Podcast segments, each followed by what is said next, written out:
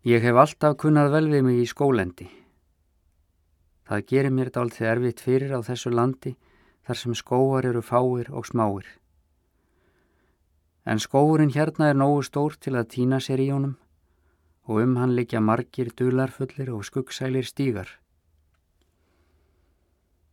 Þessi skóur hefur verið að vaksa hægt og hljótt í skugga eldfjálsins áratugum saman nánast án þess að nokkur maður tæki eftir. Undir einn sem smástrákur sótti ég í trjálundi. Fór langar leiðir einsamall út fyrir bæin þar sem ég bjó til að sitja í litlum reit með kræklótum byrkirhíslum og stundum þurfti að sækja mig þangað á sumarkvöldum af því ég kom ekki heim. En foreldrar mínir vissu hvar mig værið að finna og pappi kom á bjúikbílnum og gekk inn á milli lára að trjána og kallaði nafnið mitt þangað til ég kom út úr mosagrónu rjóðri og lætti hendin í lóa hans. Bílinn var grætt og mér fannst alltaf að hann væri þannig að því pappi væri líka mikið fyrir skógin. Hann skammaði mig aldrei fyrir að koma ekki heim í kvöldmatt eða háttin. Leitti mig bara orðalösta þessum stóra ameríska bíl og svo ókomið hægt af stað heimleiðis. Útvarpið í bílnum var látt stilt og hendur pappa heldu þétt um hvít stýrið.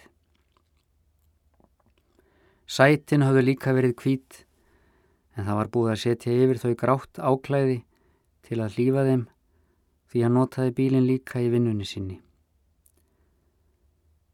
Núna, áratugum síðar, fer ég út úr hjólísinu á kvöldin þegar ég er búin að reyna að mála og geng upp í skógin. Ég fer stíin undir klettafellinu þegar grænblári slíkju slæra á skógin framundan og heyri fugglasöngin hljóðna smám saman í greinaþykninu undir nóttina.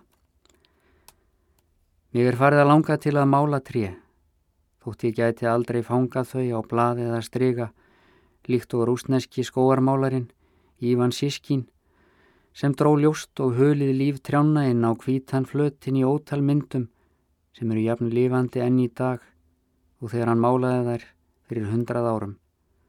Hann hlýtur að hafa staðið hjá trjánum fyrst og strókið þeim og gert einhvern leindan samning við þau. Ég heyri sandána kliða í grendinni, aðeins spölkorn handan við þjættstæða trjástofnana og það er sterkur blómailmur í lofti. Þetta er eins og að vera komin í örstutta utanlandsferð og allar barnabækurnar um skóana rifjast upp. Skóana sem ég sá í anda þegar ég las þessar bækur í þá daga og held að slíkt skólendi myndi sjálfkrafa gera mig hamingju saman.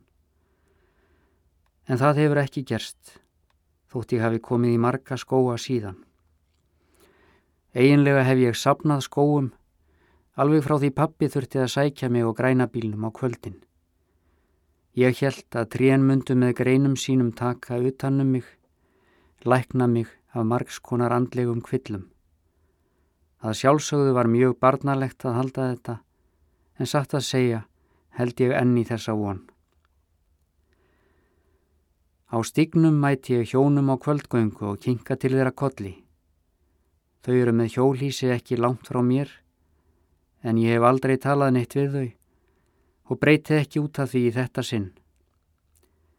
Ég held áfram göngunni lengra inn í skógin. Látt fellið yfir mér með klettabeltum sínum er orðið næstum fjólublátt. Sá sem reyndið að mála það í þessum lit yrði bannfærður fyrir reyna tilfinningarsemi. Kanski er ég að vona að ég sjá í rauðklættu konunni bregða fyrir. Samt er ég farin að evast um að hún sé til. Um daginn gerði ég mér ferði yfir á tjaldsvæðið og spurði gæslumannin um hana. Hann kannadist ekki við lýsingu mína og horfi undarlega á mig á meðan. Ég tilli mér á stein við stígin. Mósavaksinn stein nálagt háu og beinvöksnu lerkitri og kvíli mig stundar korn. Grá náttfiðrildi svífa í kringum mig eins og óljósar hugsanir og hverfa millir trjána. Skyndilega finnst mér ég vera stattur í draumi. Og kannski mæti ég sjálfu mér í þessum draumi á stígnum þegar ég rýs aftur og fætur. Göti mætti sjálfum sér á torkinu í Væmar og var döðsmeikur. Taldi sig vera feigan, hljóp heim og laðist í rúmið. Hann lifði í meira en hálfa öld eftir það. Hins vegar er eitthvað við skógin sem orsakar að það losnar um sjálfmanns svo það yrði ekkert sérstakt undrunarefni þótt maður kemi í flasið á sjálfum sér myndi ég vel hilsa vinsamlega og sína miklu meiri stillingu en Göte gerði í smábænum sínum. Tign er yfir tindum og ró, ángandi vindum yfir skó, andar svo hljótt. Getur verið hann hafi orð þetta til að róa sig nýður? eftir að hafa lendi í því að hitta sjálfan sig. Ég veit það ekki. Hér er blæja lokn yfir skóginum, bærist ekki lauf á grein, en gróðurliktinn er samt sterk. Ég fer alla leið upp í dalbotnin þar sem áinn kemur ofan af heiðunum og röldi síðan að leiði gamla bóndans og hestsins hans. Einu sinni sem oftar þegar ég kom hér niður hlýðina með bakpoka og staf voru feðgar stattir við legstaðinn. Fullorðin maður og lítill drengur og maðurinn var að segja drengum eitthvað og benti á letur grafna steinana um leið. Mér heyrðist hann segja drengnum að þetta hefði verið langa við hans. Ég steg fram úr trjáþykninu með stafinn. Þeir litu við og drengnum brá greinilega. Það kom á hann óttasvipur og hann hörfaði upp að föður sínum. Er þetta galdramaður, pappi, sagði hann. Maðurinn hló látt, kastaði á mig kveðju og sagði svo við drengin sem enn var skjeldur að sjá. Nei, þetta er ekki galdramaður. Drengnum virti slétta en um leið var þann hálf vonsveikin á sveipin. Ég var það einlega vonsveikin líka. Andartak hafði ég leift mér að trúa því með tilstyrk drengsins að ég væri segkarl, stíin fram úr keltneskum fornaldarskói. Ekki háskalegur segkarl en samt að ramgöldróttur og gæti töfrað hestin upp úr jörðinni og gamla mannin líka ef svo bæri undir.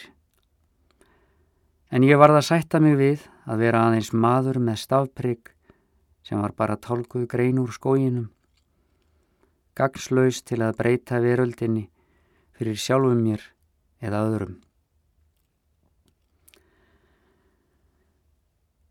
Það er orðið mjög áliðið þegar ég genga aftur niður á hjólísinu á þess að það var síð konunan einstadar. Ég heyri áfengis glada rattir úti á pöllum hjólísana í kring, sé fólk standa saman í þyrpingum, það óma hlátrar út í kvöldlóftið líkt og fólkið sé að reysa sér hljóðmúr gegn dauðanum. Ég opna dyrnar á vinnustofu hjólísinu og stíg þar inn, sest í græna hægindastólinn, fyrir að hugsa um rúsneska skóarmálaran sískín og hvernig ég geti málað trí svo vel sé. Nú er orðin framúrstefnað að vera gamaldags, svo það má vel mála trí, eins og reyndar allt annað. Ég tek upp eina af bjórdósunum sem eru undir borðinu. Á trönunum er hálf köruð mynd af sandáni sem bugðast niður eftir svargrænu gíli. Á þessari mynd sjást engin tré. Ég sitt harna fram á nótt. Sumarnóttin leggst varlega að glukkunum fyrir utan, mild og sefandi Allar hugleiðingar um eigin dauða og endalók heimsins hverfa um stund, hugsanir sem hafa þjakað mig lengi. En heyrast stökul hlátrasköll frá nágrununum.